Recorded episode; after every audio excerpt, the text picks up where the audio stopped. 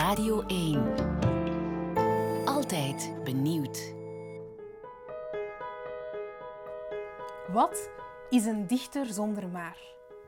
Alles wat ik schrijf staat haaks op mijn waarheid. De nuances stapelen zich op en mijn kaartenhuis stort in elkaar. Zonder zekerheid alleen worden de magen en dichtbundels gevuld, want uit twijfels vloeien woorden die elke tijdsgeest doorstaan. Toch is niets wat ik schrijf blijvend. Wat ik weet stroomt langs mijn vingertoppen. Wat ik wil zeggen, wurg ik tot het wringt in de plooien van mijn handpalm. Waarom moet elke dichter rijmen? Vraag ik me af, mijmerend. De vragen vreten aan mijn brein, dit in verzen en ook rijmend. Ik adem enkel langzaam om mijn denken te doen stilstaan. Bij elke metafoor besluipt de twijfel me langs achteren. Want niets wat ik schrijf is blijvend. Wat ik uitspreek verdwijnt met de tijd en lost op in de ruimte. Wat ik in mijn hart draag wordt vergeten door nieuwe gedichten platgedrukt als een ongewenste haar uit mijn lichaam weggerukt. Je hebt geen dichter zonder maar. De nuances worden tussen elk vers haaks op de waarheid vastgehaakt. Rusten in de witruimte om de waarheid te ontduiken, rest ons alleen vragen te stellen. Concepten onder het juiste licht te steken. Nuances te blijven maken en zonder antwoord te leven.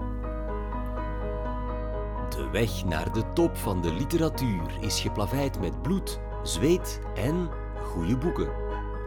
Mijn naam is Tom en ik neem je mee op bezoek bij acht beginnende schrijvers uit Vlaanderen en Nederland. De Enquists en Abdollahs van de toekomst, zeg maar. Wie zijn ze? Wat schrijven ze? Maar ook, wat staat er in hun boekenkast? Want je bent wat je leest. Een lijstje van alle boeken die zo meteen vermeld worden vind je terug op langzullenwelezen.be. Zo kan jij rustig genieten van groen gebladerte.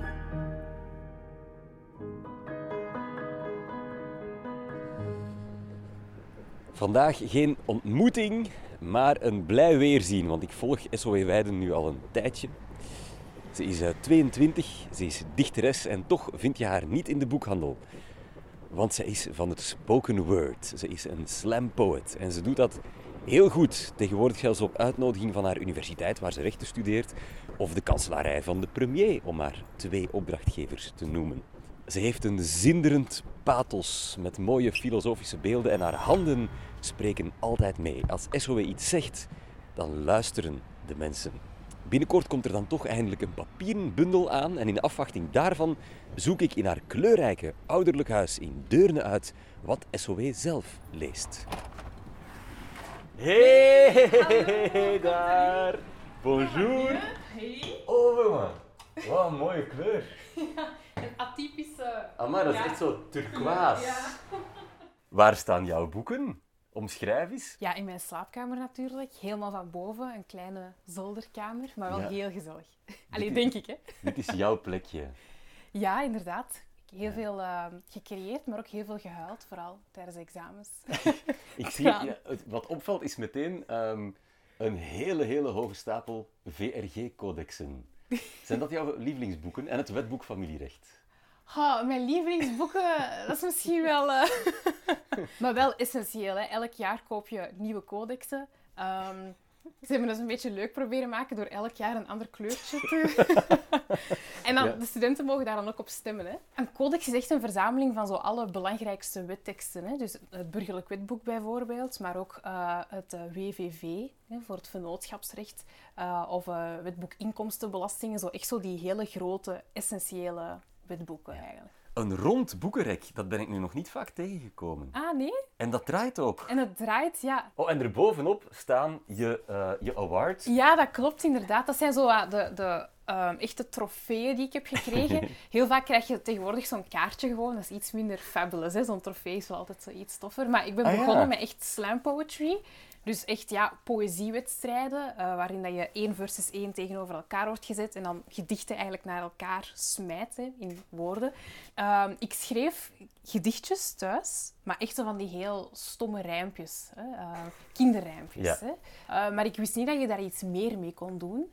En in het vijfde middelbaar is er iemand een workshop komen geven. En eh, ik was eigenlijk heel, heel geïnteresseerd. Ik heb die workshopgever, Yannick Mazon, dan ook aangesproken van oh, ik zou er eigenlijk ook wel mee verder willen gaan. En die heeft dan zo'n klein beetje voor het duwtje in de rug gezorgd eh, in het wereldje. Uh, mij ingeschreven toen in het Belgisch kampioenschap Slam Poetry. En die zei van doe gewoon één ronde mee. En dat klopte. Sinds die dag ben ik eigenlijk altijd bezig geweest met performen, met wedstrijden doen. Uh, wedstrijden is nu al wat minder, maar zeker toen in het begin heb ik echt wel, ja, ben ik er echt wel voor gegaan. Heel veel schrijven over de meest uiteenlopende topics en, en, en onderwerpen, zodanig dat je bijna nooit verrast kan worden door de tegenstander. Als iemand een tekst uh, brengt over het milieu, zou jij eigenlijk ook iets moeten hebben in, in return. En, en dan, dan, heb je, je daar tekst, iets zitten. Bam, ja. Ja, en als dat niet zo is, dan sta je daar. Ah, wel, dan probeer je het thema naar je toe te trekken. Zo met een heel klein overgangetje bijvoorbeeld. Hè. Even inpikken op wat hij heeft gezegd en daarna bijvoorbeeld overgaan naar een nieuw thema. Maar op zo'n heel vlotte manier, zodat niemand het door heeft. Cool. En hoe bepaal je dan wie de winnaar is? Ofwel heb je een jury. Um, en die zullen dan kijken naar vorm, inhoud en performance. Dat zijn zo de drie belangrijkste pijlers. Maar soms is het ook gewoon een publiekstemming. Dat is ook wel heel leuk. Um, een hele goede dichter of slam hè, um, die moet vooral het publiek meekrijgen. En je hebt dichters die heel mooi kunnen schrijven op papier, maar die soms minder goed uh, die teksten kunnen ja, uitdragen. En dat, dat verveelt dan heel hard. Ja. Dus uh, ja, een, een slam poet of een spoken word dichter is ook een entertainer. Hè. Je moet de mensen wakker houden. Naar de boeken dan. Ik denk dat dit trouwens ook de allereerste keer is dat ik een auteur interview uh, op, op zijn of haar bed. Mag ik al eens vragen of er een bepaalde orde in jouw boeken zit? Per soort of per Ja. type boek. eh, gewoon de boeken van mijn studie, hè, van de rechten. Dan verhalen meer. En dan een stukje ja, dichtbundels. En dan een klein stukje ja, biografie. ja, er is een Ja. boek over chemie en wiskunde ook. Allee, echt, het is eigenlijk heel random. Maar... Je kan niet naast een volledige collectie Nicky French kijken. Ja, dat is waar. Ja, Nicky French heb ik eigenlijk in het middelbaar continu gelezen. Ik heb die boeken ook meerdere keren gelezen. Ehm, dat was echt mijn favoriete schrijversduo. Ehm, en ja, ik denk dat dat misschien toch wel zo die eerste stapjes zijn richting die interesse om dingen op te lossen. Mysterie. Het ja, mysterie, hè? Ja, dat is waar. Dat klopt. Ja, dat klopt. En wat ik heel fijn vind aan die boeken, is dat het hoofdpersonage altijd een vrouw is. Ehm, en dat is Ja. altijd heel eh, herkenbaar of zo. Heb je een favoriete Nicky French? Ehm, ik denk de bewoonde wereld. Ik herinner mij dat het boek begint ehm, in het donker. Er is een vrouw en die is vastgebonden op een soort van tussenverdieping. Eh, en die is zo op de tast een beetje aan het voelen waar dat ze is. En beetje bij beetje begint ze zo dingen te zien. Hè, haar ogen beginnen zo gewend te geraken aan het donker. Ze begint dingen te horen. Eh, en je hebt zo nog geen idee wat er gebeurt. En blijkt dat ze dus eigenlijk ontvoerd is. Hè. Dat, dat herinner ik mij nog. Dat, dat begindeel herinner Ja. ik mij nog heel goed. Kan je uit eh, deze kast het boek halen dat jouw oudste vriend is? Het boek dat je al het langst hebt. Ah ja, natuurlijk. Twilight. Dat is echt toen ik zo 14 Ja. jaar oud was. Ja. Ja, natuurlijk. Iedereen kende die films. Alle meisjes bij mij op school waren verliefd op, eh, Robert op, op Pattinson. Robert Pattinson. En ik heb toen Ja. de films gezien en ik vond, ik vond dat ook wel goede films. Hè. Ik ga niet doen alsof ik het slechte films vond. Maar ik had wel zo een beetje die nieuwsgierigheid dan naar het boek. Misschien, ik denk dat ik dat van mijn mama misschien toch wel heb.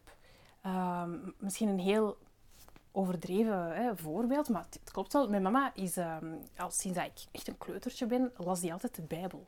En dat is zo'n dikke, oninteressante boek, dat die drempel om te lezen eigenlijk volledig weggewerkt was op het moment dat ik eigenlijk heel jong was. Omdat mijn mama ook wou dat ik zo eens af en toe een stukje uit de Bijbel voor haar voorlas, bijvoorbeeld. Zo, om zo aan het lezen te oefenen. Dus ik zeg het, ik, ik, ik ben nooit bang geweest voor dikke boeken of voor boeken in het algemeen. Ja, mensen vragen dat soms ook over rechten. Hè? Want waarom rechten? Ja, ik heb de Bijbel al gelezen. Wat is een wetboek? Wat is het, het meest recente boek dat je gelezen hebt? Wat heb je zo het Ah, laatste gelezen? Ja. ben je in iets bezig? Ja, ik eh, heb eh, deze maandag nog, dus deze week, ehm, ben ik, eh, heb ik een optreden gehad op Theater aan Zee. En ik stond daar op het podium met Matthijs de Raad. Ja. De schaduw van wat zo graag in de zon was blijven staan. Volgens mij is dit zijn poëziedebuut. Ehm en normaal gezien koop ik niet zo heel veel dichtbundels of poëzie. Want ik ben echt, ja, echt een podiumdichter die naar optredens gaat kijken van dichters, eerder dan een boek kopen. Eh, maar ik vond wat hij bracht heel interessant en ik dacht, ja, ça va. 20 euro, ça va. ik heb andere dichtbundels gelezen waarvan eh, ik het gevoel had na één gedicht van oké, ik, ik ga het even dichtklappen en wegleggen, want het is wel zwaar.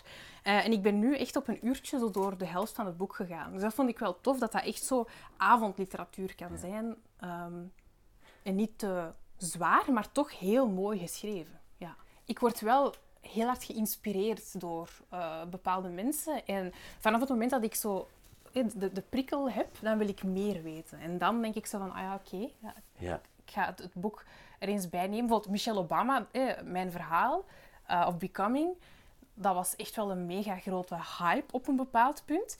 En je hebt dan twee richtingen dat je kan uitgaan. Oh nee, hype. Ik lees het niet. of ah, hype. Mm, Oké, give it a chance. Uh, maar ik vind Michelle Obama zo'n inspirerende power lady tout court, dat voor mij heel duidelijk was dat ik dat boek sowieso wel eens gelezen moest hebben. Dus dan heb ik het ook aangekocht. En ze staat naast haar echtgenoot. Ja. Want die heb je dan ook. Ja. die had ik daarvoor al. Ja, dat was nog toen dat hij president was dat ik eh, het eh, boek Ja. had gekocht. Ja.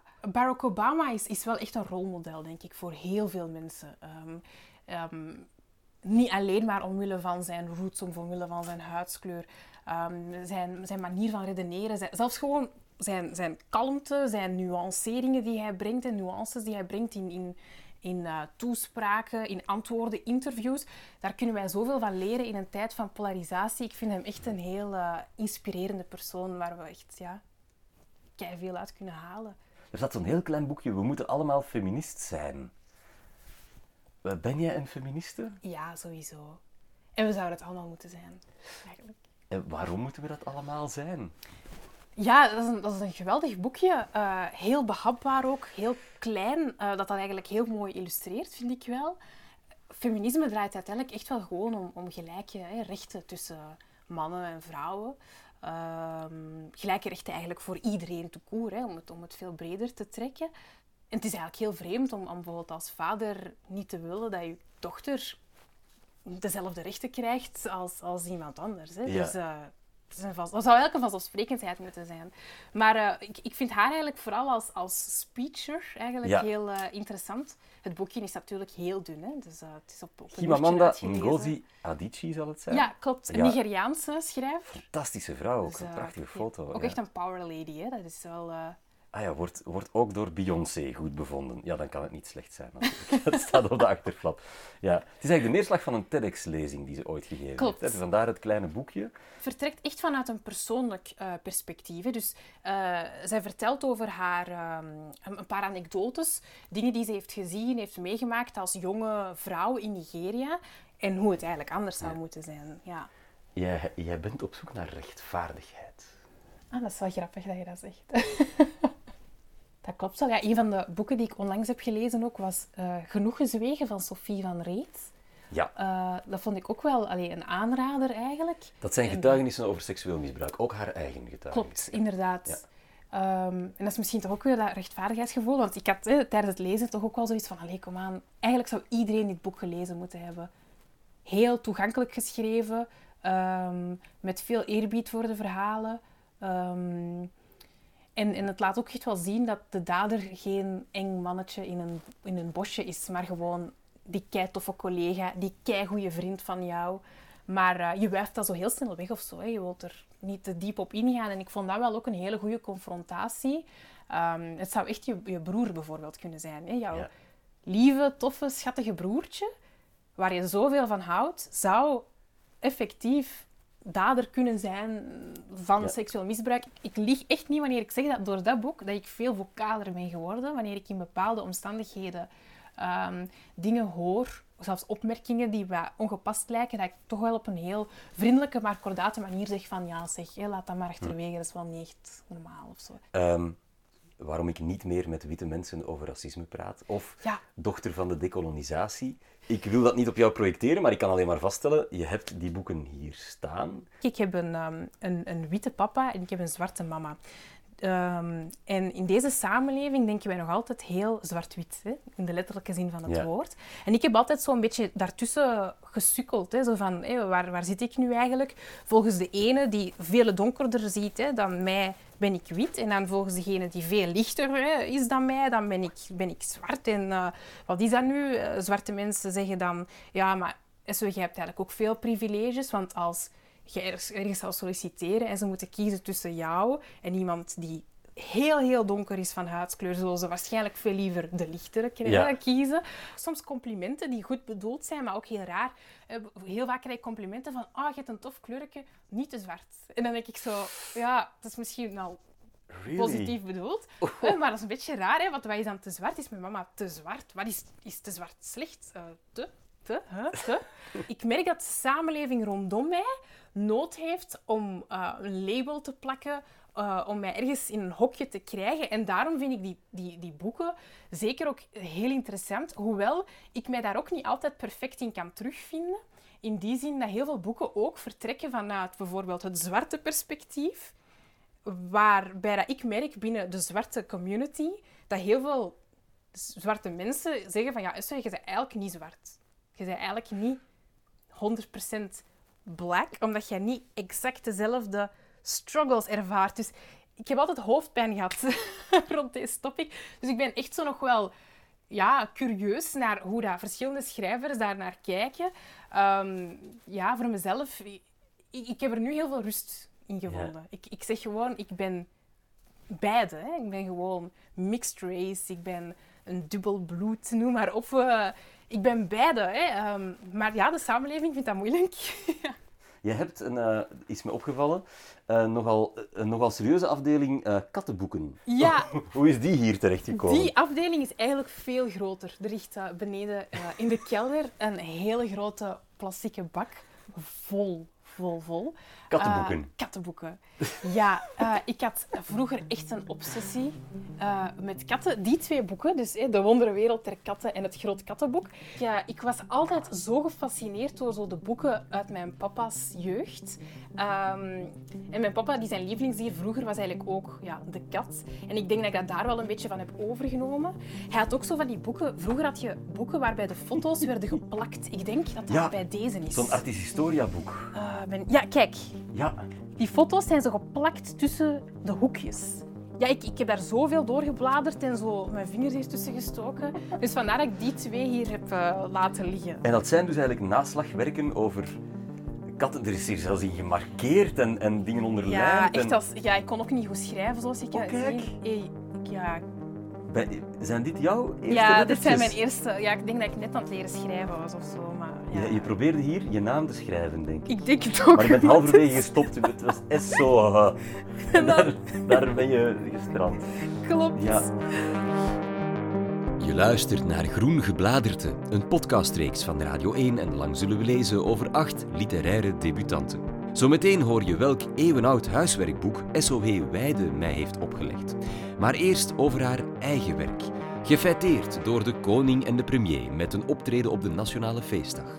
Campusdichter van haar universiteit. Slam poet par excellence. En toch moet ze in het voorjaar van 2022 nog op papier debuteren.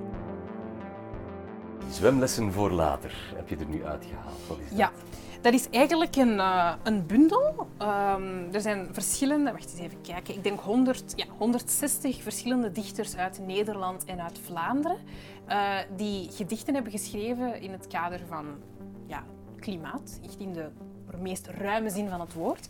Eh, en die werden allemaal gebundeld. En eigenlijk ja, echt super fijn om te lezen. Omdat dat verschillende perspectieven zijn. Het klimaat is ook heel breed. Er worden verschillende dingen in uitgelicht. En ik heb zelf ook een bijdrage geleverd. Het begin is niet het einde, maar altijd wel verbonden. Zelfs de dode zee zuigt het levenswater op van de diepste rode ondergronden. Ik drijf op het water. Verberg mijn naakte lichaam, beschaamd maar onwrikbaar voor de cyclus van het water en zijn hoge concentratie mineralen. Ja, het is geen tekst dat ik perform.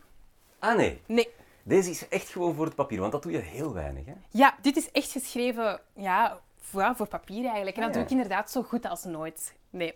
Zelfs eh, de bundel waar ik nu aan bezig ben, is echt um, pure spoken word. Ehm, ik wil echt dat mensen bij het lezen het gevoel hebben dat, dat ze naar een performance aan het kijken zijn in hun hoofd. Uh, maar ook omgekeerd, dat ze een performance hebben gezien en dat ze denken van, ah ja, oké, okay, dat wil ik eens een keer nalezen. Wat heeft hij eigenlijk gezegd? En dat je dan in die bundel zo heel veel voorkomende werken kan teruglezen. Ik, ik denk dat dat ergens ook te maken heeft met controle. Um, als je een tekst schrijft met de bedoeling om die te drukken op papier en je geeft die weg, dan kunnen de mensen er zelf van maken wat ze willen. Uh, je leest het hoe dat je het zelf wilt, met je eigen stemmetje in je hoofd, met je eigen tempo enzovoort. Um, en dat is ook heel fijn, hè? dat is een, een manier van werken. Uh, maar ik vind het heel leuk om toch controle te hebben over die verschillende aspecten. Um, dat je zelf kan bepalen welke verzen sneller en trager gaan, welke luider en zachter zijn. Um, ook de manier waarop je een woord uitspreekt. Je kan daar eigenlijk ook al een extra emotionele geladenheid aan toevoegen. Dus je hebt eigenlijk veel meer controle over het werk dan als je het gewoon op papier zou zetten en loslaten. De vraag is, gaat meester Weiden daar tijd voor hebben? Of is dat niet de bedoeling? Ga je die studie afmaken en dan het professioneel proberen met ja, wel, ik ga sowieso advocaat worden. Dus dat is altijd al mijn doelstelling geweest. Balisage afronden, zeker ook echt proeven van, van uh, dat pleiten in een rechtszaal. Ik kan mij niet inbeelden dat ik zou stoppen met dichten. Dus ik zou het nooit durven opgeven, denk ik.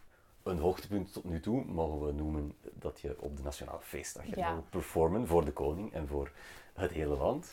Ken je Amanda Gorman? Ja, tuurlijk.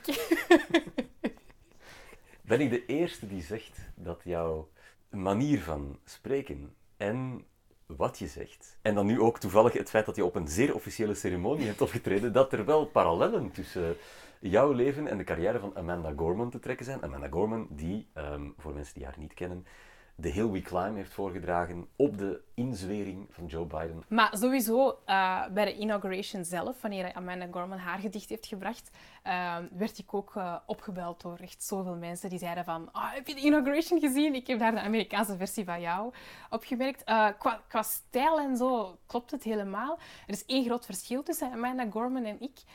Um, zij schrijft echt over maatschappelijke thema's. Ik schrijf eigenlijk over heel andere dingen. Ik vertrek altijd vanuit mezelf als persoon. En nooit vanuit een uh, activistisch perspectief. Zo van, we zouden dit moeten doen of we zouden dat moeten doen. Uh, enkel op de Nationale Feestdag heb ik dat iets anders aangepakt. Dus dat is eigenlijk een niet zo type... Het is niet representatief voor hoe ik anders eigenlijk schrijf. Toen ik begon met uh, dichten, was ik wel meer zo het activistischere. Maar de laatste drie jaar merk ik dat ik eigenlijk veel meer nood heb aan individuele standpunten, omdat ik ook merk dat je vanuit een individuele blik, dicht bij jezelf, ook um, een bepaalde boodschap kan brengen zonder te zeggen van we moeten dat en we moeten dit. Ik vertel mijn verhaal, ik vertel mijn gevoel en je, je doet ermee wat je wil of zo. Elk van mijn gasten mag mij één huiswerkboek opleggen dat ik gelezen moet hebben voor ik bij hen op bezoek mag komen. SOE Weide, studenten, 22 jaar, hypermodern icoon van de spoken word scene, koos tot mijn verbazing voor een 2000 jaar oude man uit de heersende klasse, Lucius Anneus Seneca. In zijn dialoog Gelukkig leven trekt hij in breed proza van leer tegen iedereen die geluk vindt in macht of onnozel vermaak. Geluk vind je in harmonie en natuur. En ook wel in geld, want daar had Seneca toevallig meer dan genoeg van. Uh, wacht, ik ga misschien mijn versie hier even bijhalen. Misschien kan je even lezen wat, wat er op het kaartje staat cum laude omnibus functa es bonum eventum cum studiis futuris. Veel succes met je toekomstige studies, dat staat hier eigenlijk. Ja, inderdaad. Ja, van het Atheneum van Deurne. Dit is een kaartje van jouw leerkracht Latijn. Inderdaad, klopt. Ik heb ja, zes jaar Latijn gedaan ehm, en dat was eigenlijk mijn favoriete vak. In het vierde, vijfde, zesde middelbaar uh, zijn we heel veel schrijvers beginnen uh, vertalen van het Latijn naar het Nederlands, die um, werkten met stijlfiguren. Voor mij was dat eigenlijk mijn eerste echte aanraking uh, met literatuur en het spelen met literatuur. Mhm. Anders was het gewoon even lezen en het ging meer over de inhoud. Maar ik heb nooit echt nagedacht over de vorm. En dat was in de lessen Latijn de allereerste keer dat ik nadacht over de vorm van taal. En dan, toen ik afgestudeerd ben, heb ik dit boek gekregen. Het- er wordt eigenlijk heel weinig gezegd, in, in heel veel woorden. En ehm, in het begin had ik een soort van frustratie naar dit boek toe. Ik vond die toen het ergste boek dat ik ooit heb gelezen in mijn leven. Omdat ik zoiets had van, ik, ik heb nu vier keer dit boek gelezen, eigenlijk wordt er niks gezegd. Waar ben ik mijn tijd mee aan het verspillen? Ehm, maar dan later eh, ben ik heel veel appreciatie beginnen hebben voor het feit dat je... ja, soms zeggen mensen van, je kan veel zeggen in weinig woorden, dat dat een kunst is. Maar eh, weinig zeggen in veel woorden is ook een kunst. Ehm, en, poëzie gaat vaak ook over één klein ding dat je wilt vertellen. Soms één zin dat je wilt vertellen. En daar schrijf je een heel gedicht over. Je bent dan eigenlijk ook in heel veel woorden iets heel klein en onbenullig, of misschien wel belangrijk, maar superkort aan het beschrijven. En dan ben ik terug naar het boek gegaan. En toen, met die andere bril, ben ik het boek beginnen appreciëren. Ehm, de essentie zie ik niet in de inhoud. De essentie is voor mij het brainstormen. Het nadenken. Daar gaat het eigenlijk Dat over. doet hij. Hij denkt luidop na. Ja. Als mijn rijkdom verdwijnt, zal ze mij niets ontnemen, alleen zichzelf. Je moet er dus mee ophouden de wijsgeren geld te ontzeggen. Niemand heeft de wijsheid tot armoede veroordeeld, sprak de rijke man. Eh, dus hij, hij, hij was misschien ook niet helemaal zuiver op de graad. Je zou dit ook kunnen afdoen als inderdaad niet meer dan een stilistische vingeroefening. Ja, het is, er is heel, veel, heel veel dingen hierin zijn best hypocriet, kan je jouw vragen bijstellen. Maar, maar stilistisch en vormelijk vond ik het wel echt een, een heel interessante manier van kijken. Men is nooit minder zeker van zijn lot dan wanneer het goed gaat. Om geluk te beschermen is weer nieuw geluk nodig. Dus ik lees daarin, je mag niet te vroeg pieken. Je bent nog heel jong. Zijn er nog dromen over? Super toevallig. Ah, twee dagen geleden was ik hier met mijn papa over bezig. Ehm, ik heb hem een, een jaar geleden gezegd van... Het toppunt dat je kan bereiken is voor de koning poëzie brengen. En dan kwam de Nationale Feestdag en mijn papa zei, en wat nu? En eh, toen wist ik het ook niet meer. Ehm, en ik vind dat heel beangstigend, aan de ene kant. Eh, maar aan de andere kant denk ik dat je als mens ook gewoon evolueert. Je komt nieuwe dingen te weten. Op een bepaald punt wist ik niet wat slam poetry was. Dan ging ik om 8 uur 20 naar school, wist ik wat slam poetry was. En toen kwam, ging weer een nieuwe wereld voor mij open. Misschien zet ik morgen mijn wekker om 8 uur 20, word ik wakker en ontdek ik iets dat ik nog niet weet op dit moment of nog niet ken.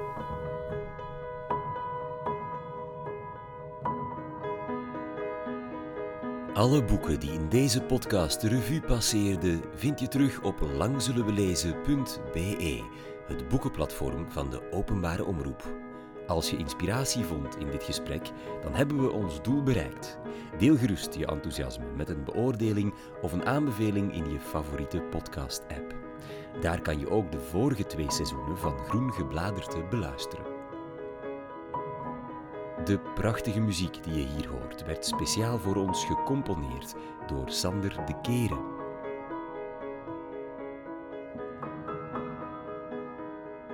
Groen Gebladerte kwam tot stand in samenwerking met Sabam for Culture, een podcast van Lang Zullen We Lezen voor Radio 1.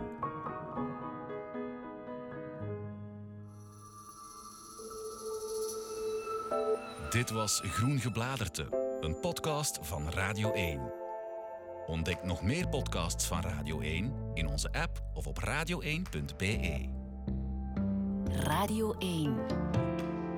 Altijd benieuwd.